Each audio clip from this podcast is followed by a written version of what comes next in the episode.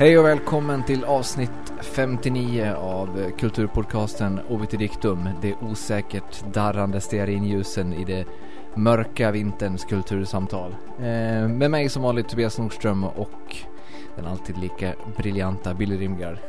Hallå och tack. Jag trodde du skulle säga att vi var det svajande ljuset i den så torra mossen i soffan. Det bortglömda. Nej, det hade ju varit kanske träffande men jag vet inte, så anslagstavlan eh, ifierade ska vi inte vara. Mm. Du den här eh, läckta Prometheus-trailern. Mm, den har jag undvikit folk... flitigt. Ja, jag med. Folk har ju varit på oss på, på Twitter och undrat om vi har sett den. Mm. Eh, jag, vet, jag, jag tänker absolut inte se någon trailer innan den kommer i någorlunda okej okay kvalitet. Nej, jaha det här är till och med så. Det är RIP, alltså det är, det är kammat typ. Jag tror att det faktiskt är så att det är kammat med en mobiltelefon från en tv-apparat. Mhm. Mm det är ja. alltså sämre än VHS-kvalitet. Mm. Eh, och jag vet inte, du, du, tänker inte se någon trailer alls eller? Um, jag kanske inte jag kanske inte har lagt ner lagen om det. The jury's still out. För jag, jag, jag, jag ja, um, jag vet inte, bör man det? Ja, det, jag vet inte, jag kommer nog göra det i alla fall. Mest för att jag är liksom um, Jag har liksom ingen aning vad fan det ska bli egentligen av, av den här Prometheus och, och eh, spoiler, spoilerpotentialen är ändå inte så jävla hög. Vi vet ju ungefär vad det kommer handla om. Ja, eller hur? Och sen, men alltså, jag, jag har en känsla av att det kan bli antingen sjukt episkt och sjukt bra eller väldigt krystat på något sätt. Mm. Ja, jag, jag är ju positiv till eh, Eh, till, till det. Det enda man undrar, vi pratade ju förut om Ridley Scotts motiv. Exakt vad de, vad de är, varför han är inne och petar i den här skiten. Kan de inte bara få liksom vara så här, bra filmer för evigt? Eh, både Alien och Blade Runner. Eh, man, behöver inte, man behöver inte peta med en pinne på döda saker. Nej, jag vet inte om han gör det riktigt men vi, vi får väl se. Vi får, det känns som att Blade Runner-projektet känns mer som en sån pet in i något gammalt eh, gammalt men Prometheus tror jag, jag tror det kan bli fräscht ändå. Vi får se. Har ju rullat igång lite andra saker. Dark Knight Rises eh, virala kampanjen. Mm. Jag mm. tror att den här, den, den, de här, det var ju de här två dokumenten som skickades till eh, Wire och Empire eh, Online Empire va? var det som fick dem. Mm, precis. Ja, precis. Eh, som det var någon sån här redacted CIA-dokument om, om någon eh, rysk doktor. Mm. Jag Från Tjeljabinsk-regionen var han dessutom. Det, det är pluspoäng i min värld. För det är ju ett fruktansvärt ställe. Där de har en eh, sjö som är så eh, radioaktiv att de har tvungen att fylla den med betong. Det tycker jag är hårt. Men, men det är inte det stället där de gjorde alla de här eh, kemiska vapentesterna va? Jo, det också. Ja, det är där, ja. det, är så, ja. det är så fruktansvärt kontaminerad region som är typ Tjernobyl upphöjt till 10. Um, ehm, och uh, ja, Nej men det, det, det talar ju till fördel. Men alltså den här eh, Leonid Pavel som eh, doktorn heter. Jag tror mm. dokumenten går väl ut på att man har någon, för något samtal med någon så här georgisk milis om att få honom utlämnad typ. Eh, det är väl inte eh, någon som vi har sett förr i Batman-universumet säger jag trevande eftersom jag kan ha fel. Ja nej han, han ska vara helt ny tror jag.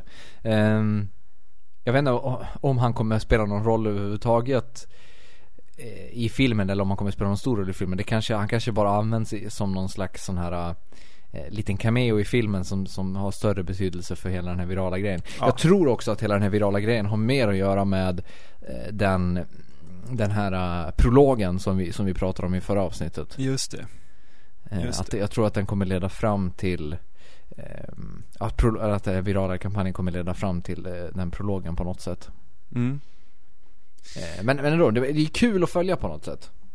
Ja, definitivt. Och just sådana här, det, det de brukar göra ganska smart med den här sortens virala kampanjer. Om man tittar på förra Batman där det var den här Harvey Dent eh, kampanjen och, och de sakerna. Eh, det, det, är ju inte en direkt, eh, vad ska man säga, man tas ju inte ifrån något nöje under själva filmen genom att bara hänga med i vad som händer i de här. Eh, för det brukar ju oftast vara väldigt löst kopplat till till vad som faktiskt sker sen. Mm.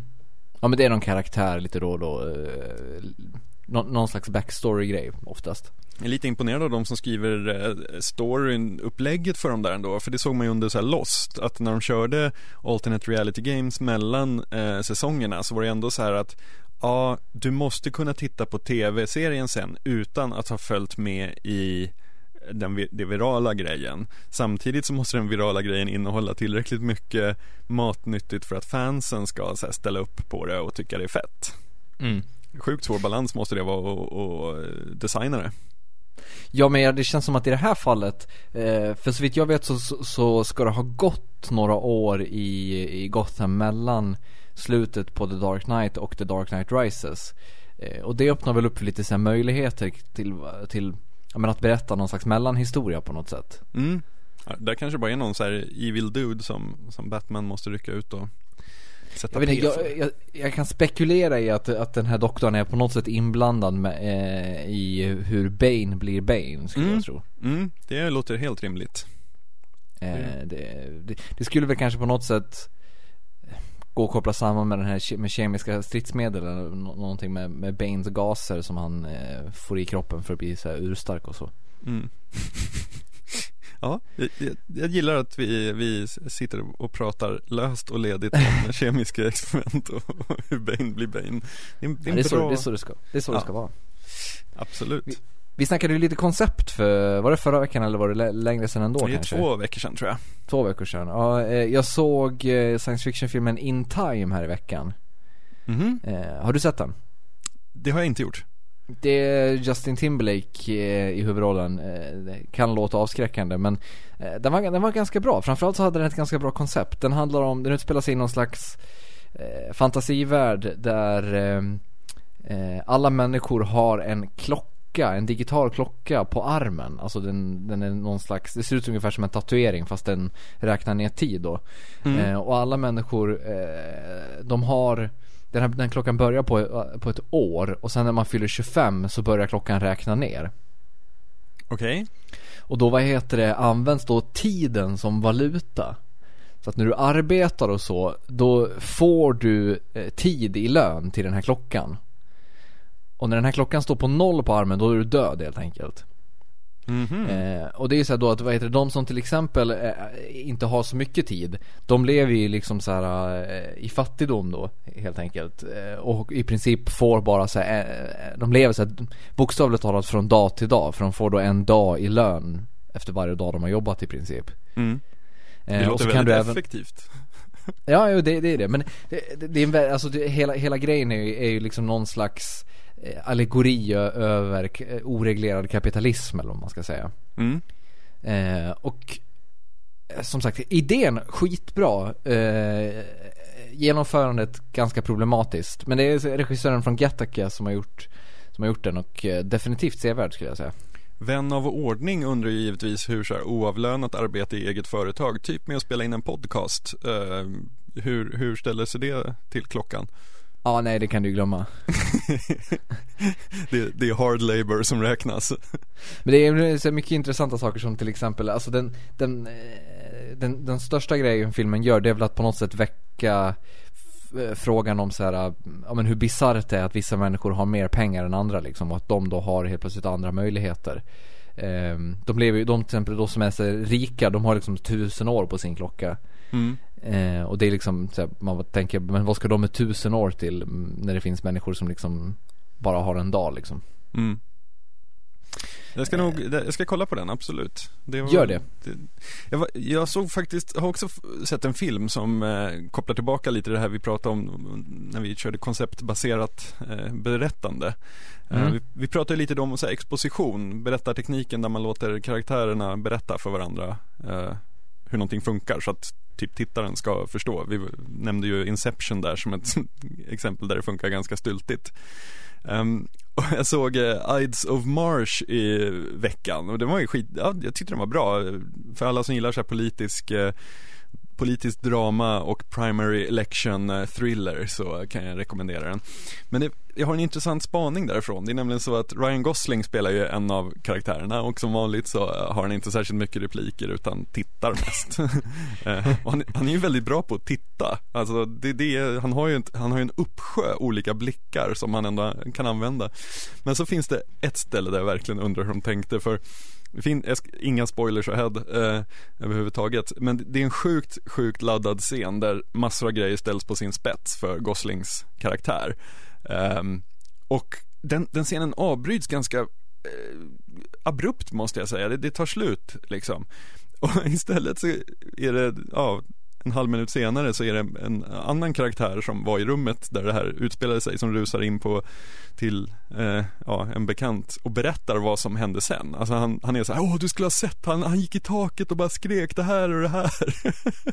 och det, det jag börjar undra direkt det är ju så här, var det så att de typ antingen försökte filma scenen eller inte ens försökte för de bara insåg att det här klarar inte Gosling av så därför fick de ta till det här expositiongreppet och förklara för tittaren vad som hände efter klippet genom att låta en karaktär lite omotiverat berätta för en annan senare. Men det kan inte vara så att, vad heter det, man eh, helt enkelt ville, ville låta en karaktär ge sin tolkning eller vad man ska säga?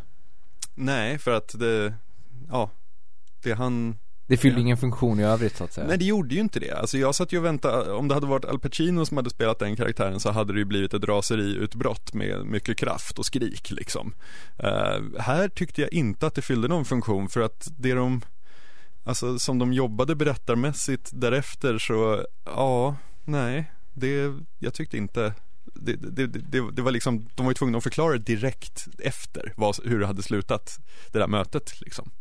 Mm. Eh, Eh, så det var inte så att man fick suga på karamellen ett tag och eh, att det fanns någon twist så utan Ja, det var också ett sätt vilket att jävla år han har haft ändå. Men vilket jävla år han har haft ändå, eh, vad heter det, Ryan Gosling? Helt sjukt. Det, det, det känns som, det är som man of the year varning på honom eller? Alltså han är ju med, jag var inne på IMDB och kollade på så här eh, De filmerna han har som är så här post production och det är typ sju rullar som kommer med honom Förutom ja. de han redan har varit med i. Så att, alltså, ja. jag, jag gillar ju honom så att jag har inte så stora problem med det. Nej nej inte jag heller, jag tycker han är jättebra på att titta Jag tycker du reducerar honom till, till, väl lite nu men eh, ja, jag, jag, förstår, jag förstår vad du menar. Det finns väl en anledning till att han nästan bara har liksom enstaviga repliker i de flesta filmerna antar jag. Jo. Eh, Men jag, jag gillar honom också, det är lugnt.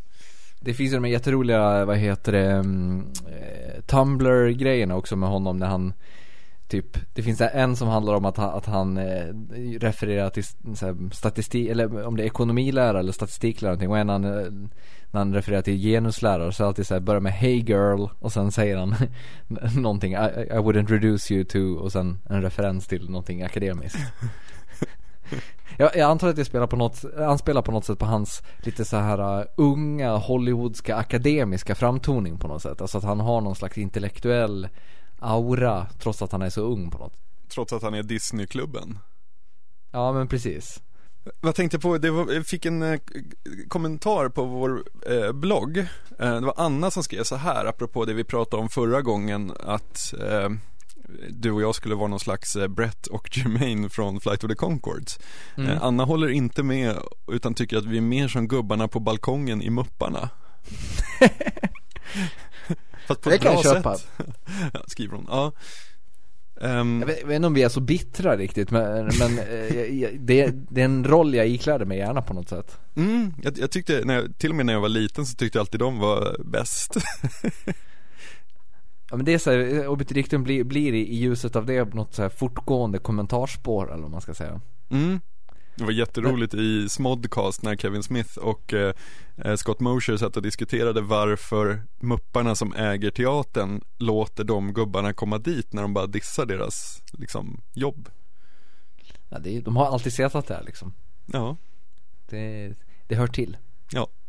Vi har även fått, vad heter det, massa, eller massa, två i alla fall, förfrågningar om man kan donera pengar till oss. Mm. Det vill vi inte veta av, eller hur? Uh, inte om det inte är femsiffriga belopp. Nej okej okay då, ja, om det är rena så finansiella eh, förslag är vi, är vi öppna för men Finansiella lösningar för framtiden. Eh, så här Flutter-grejer och Paypal-grejer och sånt, det, det, vi tar inga allmosor.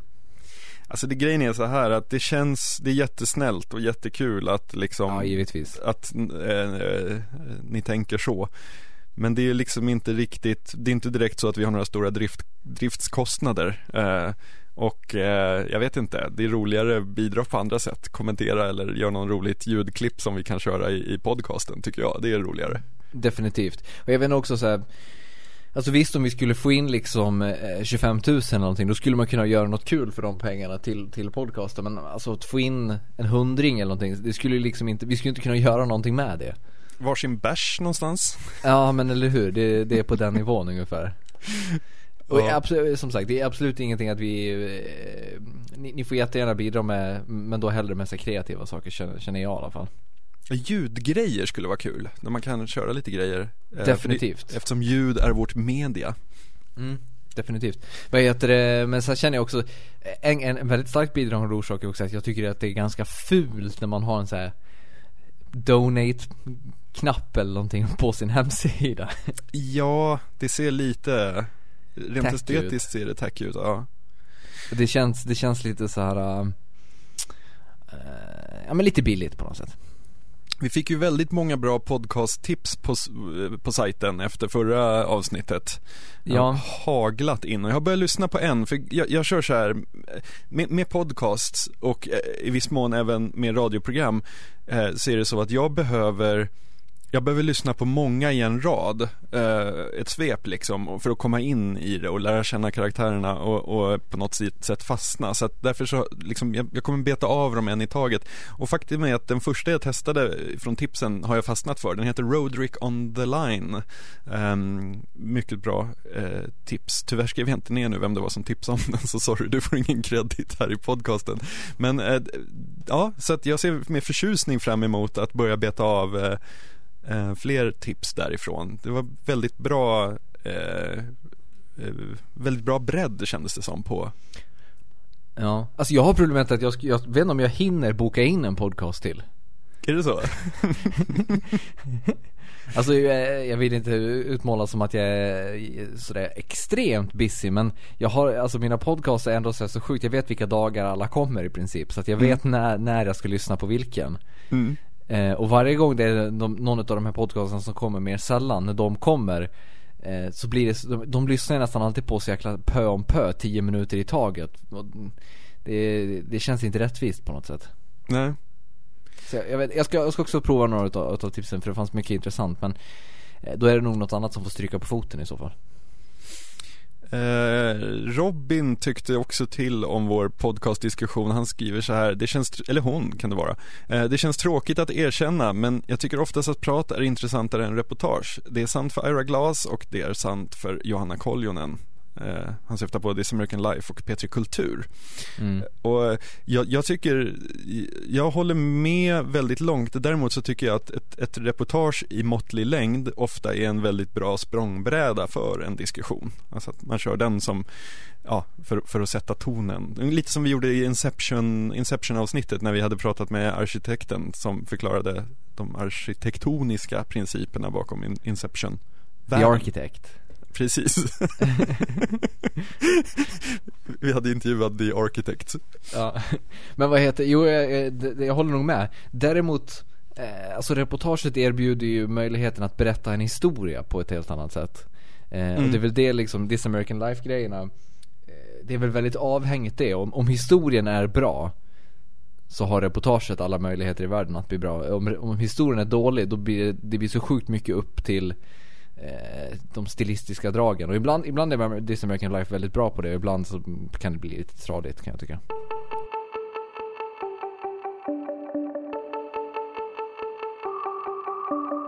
Det är ju så här att eh, både Rihanna och Drake är aktuella med storsäljande album.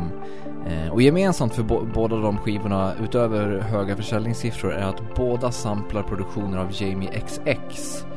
Eh, den ena då är eh, en eh, XX-låt och den andra är hans omarbetningar av Jill Scott Herons skiva. Ehm, det är å ena sidan smakfullt och hippt och antagligen en tillräckligt obskyr referens för, att amerika- för en amerikansk mainstream-publik. Alltså att den stora massan vet inte riktigt vad det är och tycker att det känns fräscht. Men samtidigt tycker jag i alla fall att det känns för tidigt. Eh, när Nate Dogg och Warren G gav ut Regulate 1994 så samplade de då den 12 år gamla I Keep Forgetting av Michael McDonald. Det tycker jag är en otroligt snygg sampling som plockade upp basen från en ganska ostig Blue-Eyed Soul-låt och gjorde den gangsta och häftigt. Det var med andra ord en referens som kändes både kreativ och medveten. Mm. Eh, det har fått mig att fundera lite grann på vad som egentligen är en bra sampling eller vad som är en bra referens. När kan man referera till någonting eh, i något kre i kreativt syfte utan att det känns eh, krystat? Det känns, om, man, om, man, eh, om vi uppehåller oss vid musik en stund så känns det som att så här förr, och då pratar jag kanske för 15 år sedan, Eh, då var liksom vart man samplade ifrån och var, var man lånade sina låttitelreferenser och sådana saker. Eh, det var ett sätt att markera revir ganska hårt. Typ så här att ja, jag har koll på det som står i den allra dammigaste skivbacken längst bak. Man liksom visade upp för någon slags omvärld så här att man, man har koll på saker och ting. Idag tycker inte jag det är lika häftigt för liksom gå in på eh, vem som helst utan koll kan gå in på någon så här rarities-blogg och bara ladda ner typ 70 album och bara, ja men det här ska vi ta och då är det något så här supercoolt, smalt eh, som gavs ut i 30 exemplar 1978 liksom. Eh, och det är saker man inte kunde hitta eh, tidigare om man inte visste vad man letade efter. Men idag så har, finns ju de där filtrerna där ute. Så jag tycker tvärt emot dig att jag tycker det är ganska coolt att ta så här ganska nyligen släppta Jamie XX-låtar. Eh, bara för att de låter bra liksom. Men känns det inte slappt då tycker du? Jag, för jag, det, alltså jag, jag har inte emot så mycket hur det låter. Det är mer att det känns så här uh Eh, ja men det känns liksom förutsägbart på något sätt att om, om man ska sampla någonting så nytt och fräscht och hippt så tar man det som är nytt och fräscht och hippt bara. Det, det är pösigt. du tycker det? Jag, jag, håller inte med. Jag tycker att det är så här eh, Alltså var, var, why settle for less? Det är inte så att så här, Jamie XX är ju svinstor. Jag tycker, det, jag tycker det är betydligt bättre än när så här som Madonna tar en gammal ABBA-melodi som man har hört till leda på Golden Hits om man hänger där. Eller Kom du precis ut som Golden Hits, frekvent Golden Hits besökare nu? Nej. Men man, man, jag, tror att, jag tror att man har hört eh, Gimme Gimme Gimme även om man inte har gått på Golden Hits faktiskt.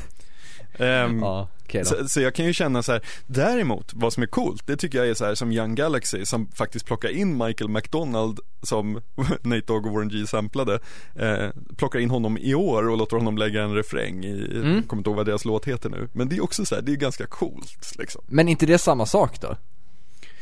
Fast jag tycker ändå det är lite häftigare för då är de med på, alltså då, är, då pratar vi så New York hipsters som är med och försöker typ så här resurrect en gammal legend på något vis. Jo definitivt, men alltså men det som jag på något sätt tycker är så sjukt snyggt med Regulate-samplingen Det är också att eh, att det känns, det känns de, alltså att man har använt musik som ligger så sjukt långt från det egna uttrycket mm. man, har på, man har på något sätt väldigt svårt för, att föreställa sig eh, vad heter det, så hiphop-producenter lyssnar på så, här, så extrem vit medelklassmusik. Mm. Eh, det var, det var, jag läste någon intervju med Warren G när han pratade om att hur fantastiskt han tycker att eh, I Keep Forgetting är och han pratade om hur, eh, hur han och Nate Dogg åkte runt i en bil en hel natt och lyssnade på den innan de samplade den. Ja. Och det känns bara så här, Va? Ni, ni ska liksom åka runt och lyssna på eh, Grandmaster Flash eller någonting. Alltså Jag vet att jag är fullt medveten om att det är jätteförutfattade meningar Men det, det gör det på något sätt eh, sjukt mycket mer intressant. Att Drake och Rihanna har producenter som är nere med Jamie, eh, Jamie XX Det känns bara så för, det känns bara eh, jättevanligt på något sätt.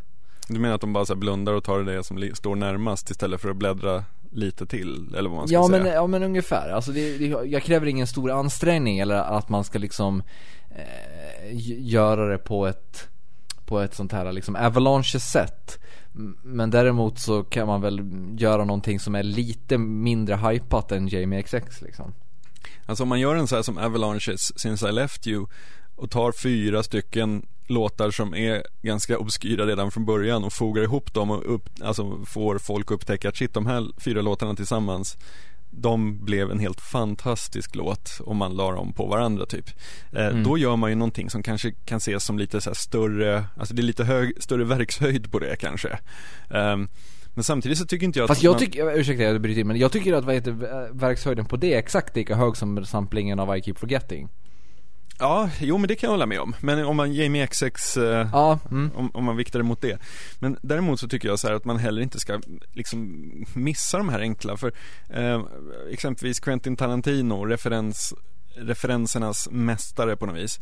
Eh, när, när eh, Kill Bill kom så var folk så här, ja men okej, okay, alla som har sett typ två gamla samurajfilmer har sett allt det här redan. Eh, eftersom typ varenda scen är lånad mer eller mindre.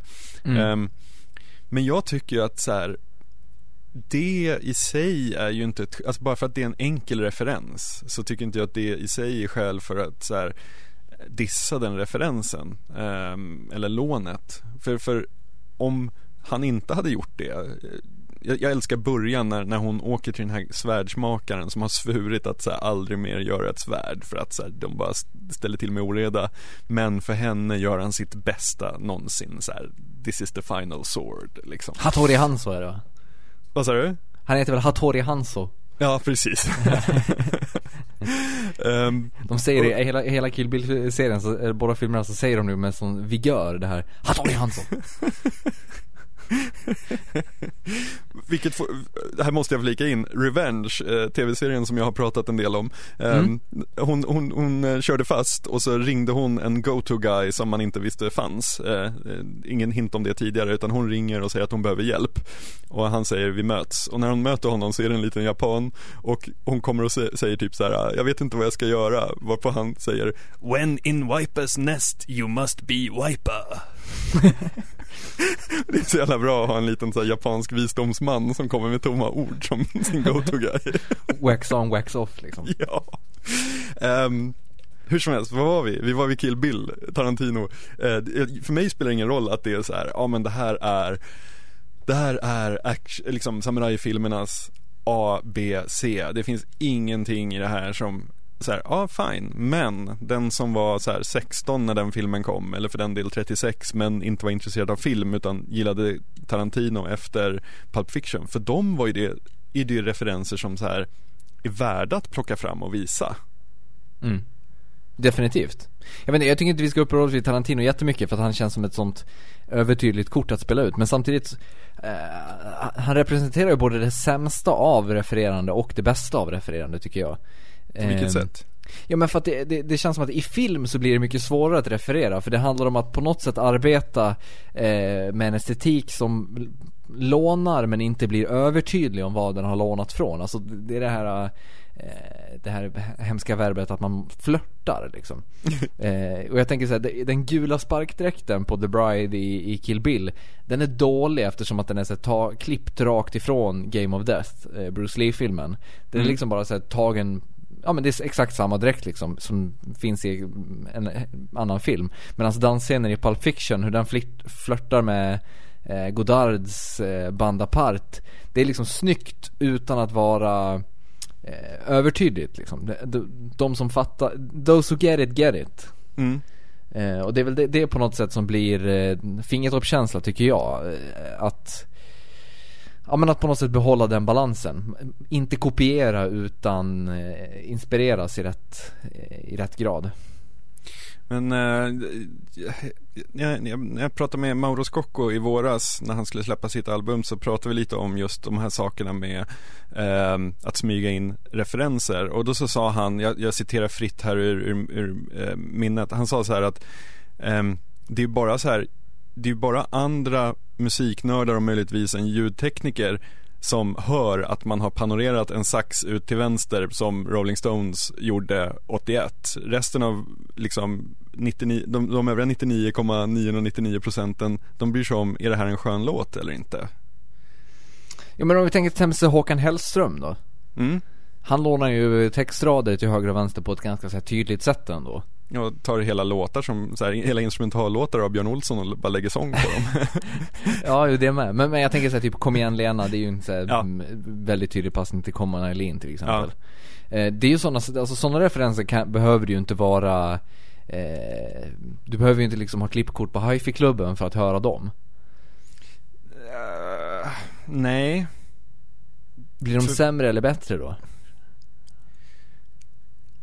Alltså kanske bättre på ett sätt för att jag tror så här eh, Man kan ju alltid smyga in små passningar till folk eh, eh, ta, vår, ta vår lilla intromelodi Den här lilla kongasen som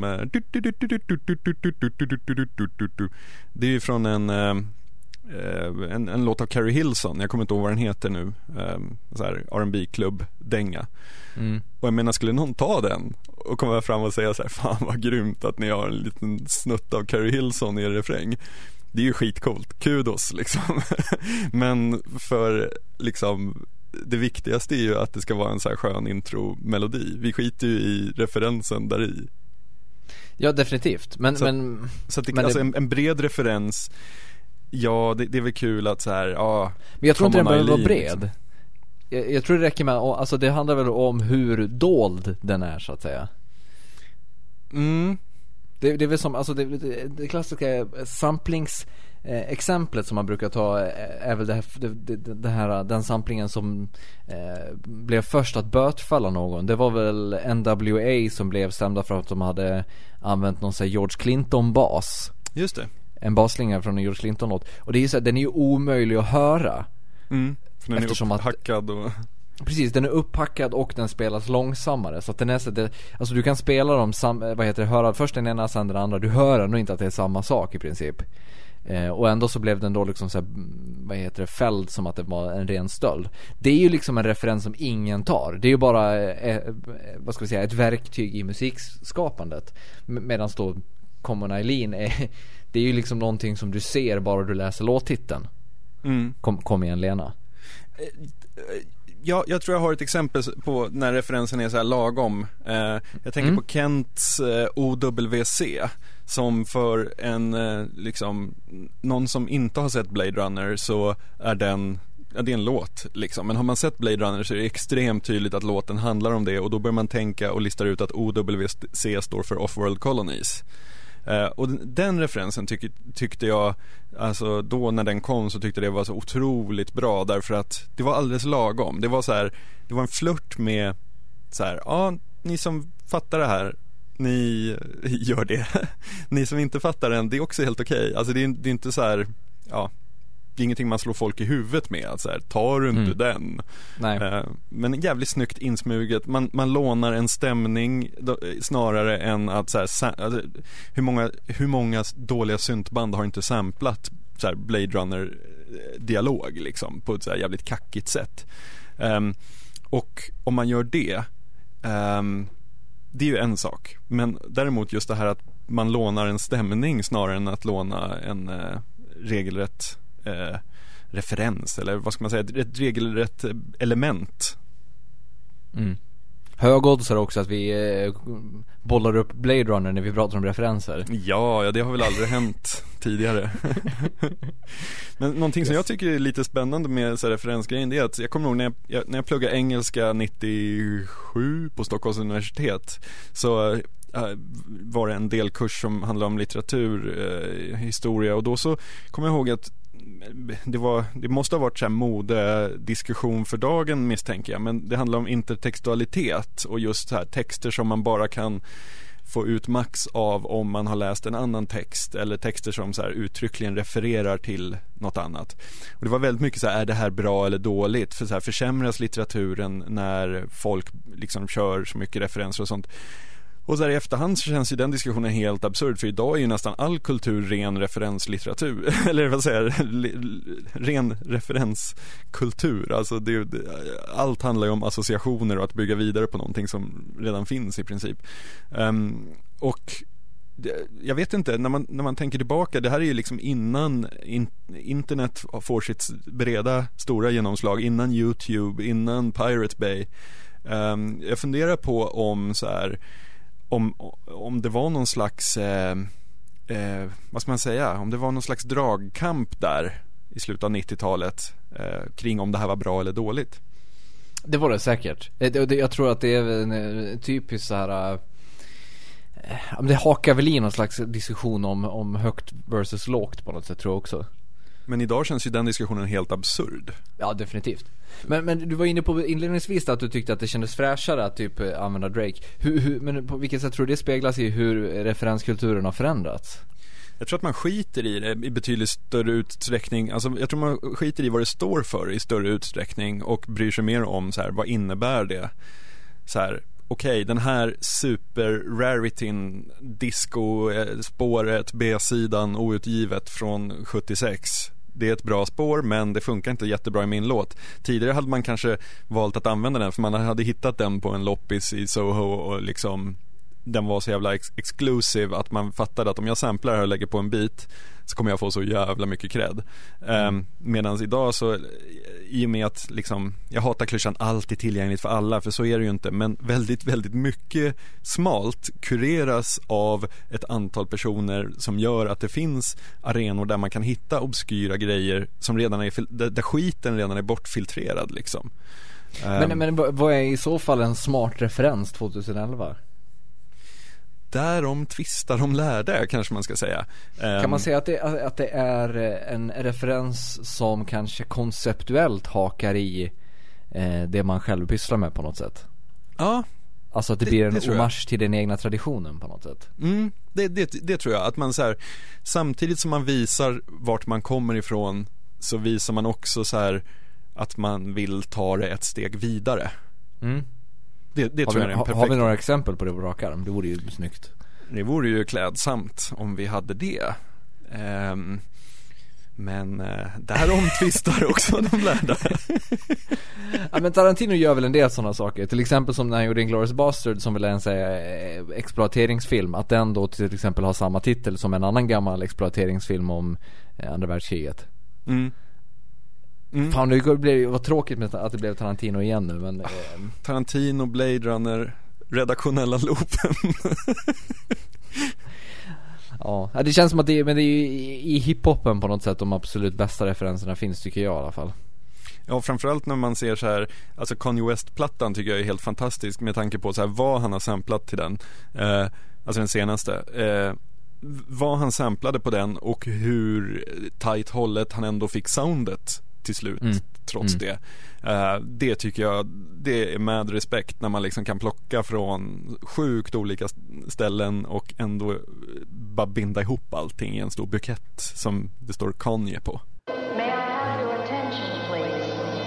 We've got a, uh, we got a, a situation down here. Thermonuclear destruction. A perfect new computerized 1,758 feet underground.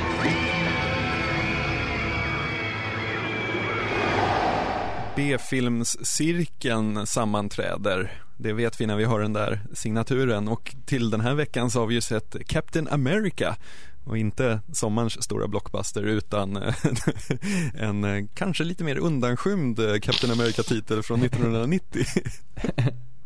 ja, eh, vad tyckte du? Eh, först så vill jag säga att jag älskar hur 30-talet såg ut på slutet av 80-talet. ja, ja, jo i och för sig det var slutet av 80-talet. Den kom 1990 den här filmen. Ja. Men ja. Jag, man får nästan räkna 80-talet fram till 92 någonstans. Ja, Sant. skitsamma. Men det är exakt samma look som uh, The Untouchables, tänkte du på det? Mm, det tänkte jag faktiskt på. ja. eh, det, det, jag vet, men, har du ringat in också vad det var? Ja men det är det här mattade ljuset eh, och sen det här att kostymerna är liksom sena 80-talskostymer som väldigt gärna vill vara 30-talskostymer. Eh, och det bisarra när jag börjar tänka på det är ju att JFK Det är jävligt dåliga slipsar. Jävligt dåliga slipsar. Ja. Men när jag tänkte på det, JFK som är från 1991 Som ska utspelas på 60-talet har ju nästan exakt samma look. Det har jag faktiskt inte tänkt på men det låter mycket rimligt det, det, hände, det var någonting där med film på slutet av 80-talet, början av 90-talet när det gällde att skildra dåtid som inte alls är som Mad Men eh, eller något, något, sånt utan det, det är verkligen så här, det har en väldigt, väldigt speciell look som extremt tydlig tidsmarkör från, från eh, just ja, 88 till 91 där någonstans. Men tror du inte vi kommer säga det här om Mad Men om 10 år också? Som 20 år? Det är mycket möjligt, det är mycket möjligt. Uh, men jag tycker ändå att det finns en annan så här när man ser När man ser Mad Men och sen ser uh, Boardwalk Empire mm. Ja det kanske är lite Det kanske är extremt tidstypiskt för vårt tiotal uh, De båda eh, också. Så det, det, är mycket möjligt att man kommer se tillbaka på det så. Men just så här, när, när, man började se det här liksom eh, Suburban America eh, och hur, när de står i köket och ska äta och, och solen lyser in genom persiennerna och det är den här, jag vet inte vad, det här varma kamerafiltret på något sätt. Mm. Eh, då tänkte jag på Untouchables och bara, just det, så här såg 30-talet ut, 89. Jo men det, jag tror också att det är lite det här mjuka ljuset. Ja. Eh, det är lite fluffigt ljus på något sätt. Det, det, jag tror att det är ett vanligt filter man körde på den tiden. Mm. Men alltså det, det som jag tänkte på flera gånger under den här filmen, det är, alltså vem fan är den gjord för? Ja, eller hur? för att den, det, alltså, den är så konstig på något sätt. Det känns som att den helt saknar målgrupp. Ja, den, alltså den, den, it's all over the place på något vis. Ja, för att alltså Eh, den, är, den, är, den är ju definitivt inte gjord för någon slags blockbuster, som någon slags blockbuster. Den är ju extremt exkluderande. Eh, jag menar det som har blivit ledande i nyare superhjältefilmer är ju att det alltid finns en väldigt utarbetad eh, origin story, i alla fall i första filmen, där man får se liksom hur hur superhjälte alter, alter egot föds. Mm. Eh, vilket jag antar och vet handlar om att man vill bjuda in en publik som inte är bekant med källmaterialet. Ja. Eh, men alltså här i Captain America, det, alltså där avhandlar man, avhandlar man ju origin storyn på 10 minuter ungefär Red Skulls origin story Den får man ju inte överhuvudtaget Nej Och det, är, det är så här, det, det, får man att, då tänker man så här, ja men okej, men den kanske gjordes liksom explicit för eh, serietidningsmänniskorna som liksom hade läst serien i flera år. Men poängen är också att den avviker sjukt mycket från kanon. Ja den, den är ju liksom, den har ju absolut jättelite att göra, göra med serietidningarna som, som eh, hade kommit fram tills dess. Eh, det, det, är ju, det blir ju bara jättekonstigt. Alltså fan, de, de här fansen då som skulle vilja gå och se eh, sin älskade Cap på film, de borde ju ha blivit ursinniga på något sätt. Och det jag undrar är alltså trademark management eller vad, vad man ska säga, eh, mm. fanns inte det då? Brydde sig inte de som sålde filmrättigheterna någonting om hur här, slutprodukten skulle komma ut? Eh. Alltså jag vet inte riktigt, men jag tror att Marvel vid det här laget då, eh, Captain America kommer från Marvel. Jag, tror, jag tror att, han, att vad heter det, de var liksom inte affilierade med ett eh, med något större filmbolag. Eh, på 2000-talet så köptes de ju av 20th Century Fox. Ja. Eh, men, men vid, det här, vid den här tiden, 1990, då, det fanns liksom inget sånt tydligt samarbete. Så att de var nog liksom så här när det kom någon och bara ja ah, vi vill göra en film om Captain America. Ja men vad kul! ja, det, det, finns ingen film om Captain America så det får ni jättegärna göra. Alltså det, det, det var liksom bara så här, ja. Men jag kommer ihåg, jag jobbade på ett företag 99 eh, till 2001 som utvecklade så mobil eh, mobilspel och då får man komma ihåg att då pratar vi ju, det här är ju innan 3G så att det är ju mycket via sms och eh, WAP. Um, ehm, och då så skulle vi göra ett datingspel uh, och ville branda det med någonting och då så kollade vi upp så Friends, uh, om, om det gick att branda med. För man tänkte att mm. man kunde ha liksom deras café som så här lounge där användare kom in och ja, lite sådana saker. Det är Warner Bros som äger Friends va? Ja, det är det nog ja.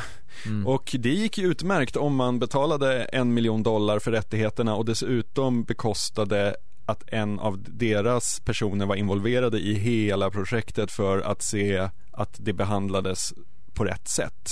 Så man skulle liksom betala eh, en konsultarvode till någon som liksom bara övervakade att så här, ja, att det, alltså även fast man hade köpt rättigheterna så fick man inte göra vad man ville utan allt skulle ju liksom eh, ligga i linje med någon Friends-kanon eller vad man ska kalla det för. Mm. Uh, och det, det, här är ju alltså 99, 2000 där någonstans. Man, man, man tycker att så här, det visst det är tio år senare, men det kanske var Captain America som gjorde att folk fick upp ögonen för att det inte bara gick att sälja rättigheterna. Ja, alltså det, men det är ju så. Det, det är väl också, Marvel var ju lite utelämnade där ur hela filmträsket. DC hade ju haft turen att att eh, Warner Bros ville producera en Stålmannen-film på 70-talet med Christopher Reeve som blev ganska framgångsrik. Och innan det så hade de ju haft Batman, både Adam West-serien eh, men även då liksom Tim Burton-filmen. Mm. Medan då Marvel var, var inte li, liksom, li, riktigt lika lyckligt lottade i det här. Eh, och det, det är väl det som förklarar också att det inte finns lika många Marvel-filmer så långt bak i tiden så att säga. Det finns en tidig Spiderman-film som är jättedålig också som är samma stuk som den här. Eh, det är så man, ser, man ser alla scener när Spiderman klättrar på en vägg så ser man jättetydligt att det är att han går på alla fyra på golvet liksom. Tror du Marvel var nöjda när den här gick upp typ ett halvår efter att första Batman-filmen hade haft premiär? ja men de, jag, jag, kan, jag kan tänka mig att säga att de som liksom satt på Marvel då, de som var liksom äh, cheferna De tänkte, de såg nog liksom framför sig hur det bara, ah men Batman ble, blev ju liksom skitstort Nu har vi vår chans liksom mm. eh, Och det var väl därför de bara sa, sa ja på något sätt Men eh, Kevin Smith pratade om den här filmen i någon eh, podcast kommer jag ihåg Han sa det att så här, eh, han sa att han mindes ju också att det, det kom ju liksom inga eh, comic book-filmer. Alltså nu, nu ser vi ju två varje sommar liksom. Ja. Eh, Medan på den tiden så var de ju så sjukt liksom, utsvultna på sånt så att när Batman kom så var det ju bara så världsomvälvande att den var så bra. Ja. Eh, den kanske inte står sig jätte, jättebra idag även om jag tycker att Tim Burtons Batman har, har sin charm. Eh, men, men alltså att när liksom När de såg de första bilderna ur Captain America så var det bara Jo men det ser väl okej okay ut alltså, Man hade liksom inte så, så jävla höga krav heller på att det skulle vara så, så himla fantastiskt Nej Man liksom men... så här, man fick glädjas om dräkten var rätt liksom Men hur upplevde du eh, tittandet av filmen i stort? Jag, jag, jag ja, var det... pepp kan jag säga. Jag tyckte den var jo, men bra. Jag, jo men den var, den var helt okej, okay, men den är ganska rörig. Jävligt rörig, absolut. Det, eh, det, känns som en sån här film som liksom inte riktigt vet var den är på väg någon gång under filmen. Mm. Den, den bara forts fortsätter och fortsätter liksom.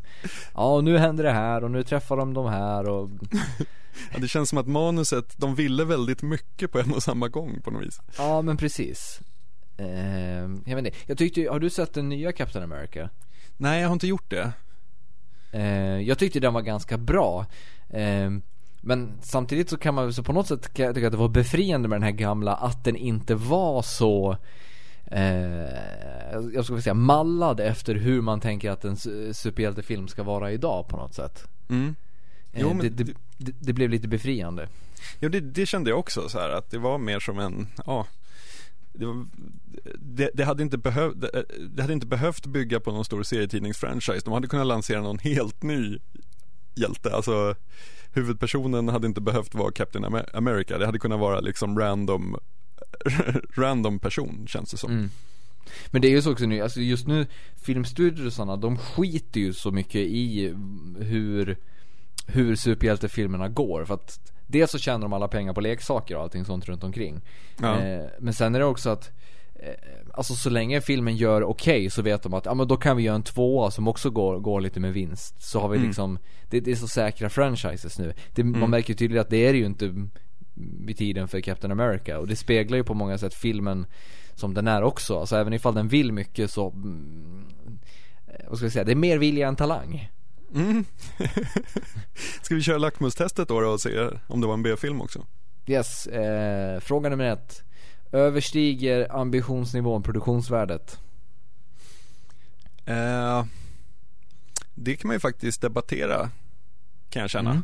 Mm, jag håller för med. Det, för det, det är ju inte liksom det är ju inte så att eh, det finns någon grandios idé som de var tvungna att ta till lite så här taffliga specialeffekter för att kunna berätta utan det är ju snarare så att så här, idén är ju att på något vis bara försöka göra en comic book rättvisa på, på stora duken och eh, skita i manus.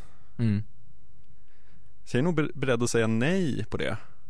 Jag är nog faktiskt också beredd att säga nej. Men inte för att produktionsvärdet är särskilt högt liksom. Nej. det är korrekt. det känns också, men en annan sak som jag tyckte var befriande förresten, det var ju att det faktiskt Man är så van nu med att det är terrorister och araber och grejer som är the bad guys Så här var det liksom bara skönt när det var typ eh, när, det, när det kändes elakt med en italiensk brytning helt plötsligt Ja, faktiskt. Eller liksom eh, att tyskarna skriker Sieg Heil när de skjuter någon Ja, Alltså det, det blev den gamla formen av fundamentalism på något sätt, där, där Europa är lite farligt jag, jag, jag är generellt för att det ska vara färre nazister i världen, men på film får det gärna vara fler nazister. Ja, de, de får gärna vara så här fundamentala nazister. Ja, vi får se fram emot Iron Sky nästa år. Ja, eller hur? Fråga nummer två då. Eh, är underhållningen större än kvaliteten på filmen? Det skulle jag nog säga att den är faktiskt. Det, jag, det, jag håller, jag håller med. Inte för att underhållningen är jättestor. Nej, men för att kvaliteten är inte heller särskilt stor. Nej. Nej precis, alltså men det är ju också roligt att Red Skull är ju bara Red Skull kanske en femtedel av filmen eller någonting ja. sånt. Annars är han ju mer såhär gul. Ja. Och är produktionsvärdet utstuderat lågt? Nej Det är det ju inte Nej, absolut inte men ingen B-film enligt äh, lackmustestet. Men därom tvistar de lärde kanske. Ja. Det, det lackmustestet, det funkade så jävla bra till en början kändes det som. Ja. Sen när vi tog filmer som var med, som har varit med sig i gränslandet så har det, var det betydligt svårare att använda på något sätt. Ja, det var ju det. Vi får kanske sätta oss ner och fila lite på det här under, under nyårshelgerna och allt vad det är. Mm. För det är ju så, vi väljer ju inte ut någon eh, ny B-film att se till eh, nästa gång för att om en vecka är det ju faktiskt säsongsfinal för den här säsongen. Mm. Det känns som att vi är i jobbigt läge nu med de här säsongsfinalerna. Vi har börjat tömma ut våra favoritämnen, eller? Ja, och vi har mycket att leva upp till. Alltså i min värld så är nog Blade Runner avsnittet ett av de bästa vi har gjort, kanske. Ja, både Blade Runner-avsnittet och eh, postapokalyps-avsnittet tycker ja. jag har varit sjukt starka i vår katalog. Ja. Eh, yes. Så vi, vi får ju, ja vi, vi, får se vad vi kokar ihop till nästa vecka. Vi får ju försöka, vi måste göra ett försök i alla fall. Ja, vi, eh, ja det, det, någonting blir det i alla fall. Eh, vi ska väl försöka leverera långt som, som vi brukar göra också. Mm. Men så får vi se då om B-filmcirkeln, i vilken utformning den kommer tillbaka. Vi kanske kör någon annan cirkel efter nyår eller så. Det är mycket möjligt, ja. Har ni, har ni idéer så eh, kommentera gärna eller skicka mail på vad ni tycker att vi kan eh, göra. Om vi ska fortsätta med B-filmcirkeln eller om vi ska kanske hålla på med något annat. Nazistfilmscirkeln kanske? Oh. Ett, en av frågorna, åker de, åker de motorcykel med sidovagn i sån här hjälm, du vet, som går ner över öronen? Skriker de Sieg Heil innan de skjuter? Finns det en ond eh, albino Gestapo-officer i lackad uniform? Mm. Eh, Då är det en nazistfilm, jävlar i min lilla låda.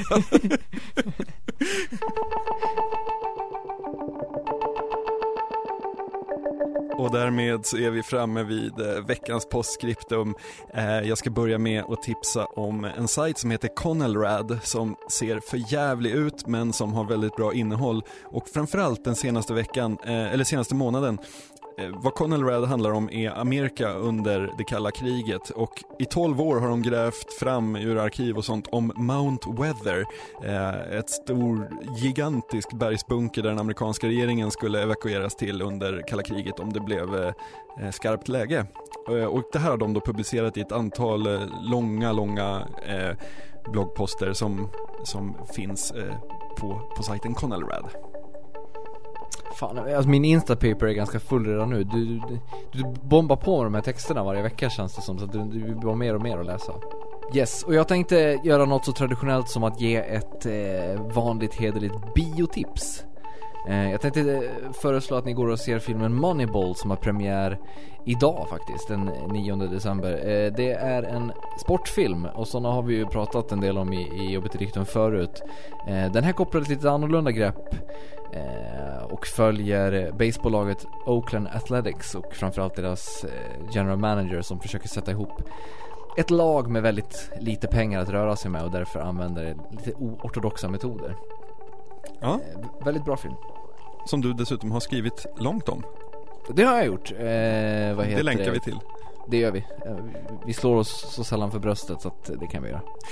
Eh, tack så mycket för eh, den här veckan. Vi ses om en vecka och då är det alltså säsongsavslutning. Ha det bra tills dess. Och droppa gärna en, eh, ett mejl på kontakt.oddpod.se eller lämna en kommentar på oddpod.se. Precis, ha det bra. Hej då. Ciao.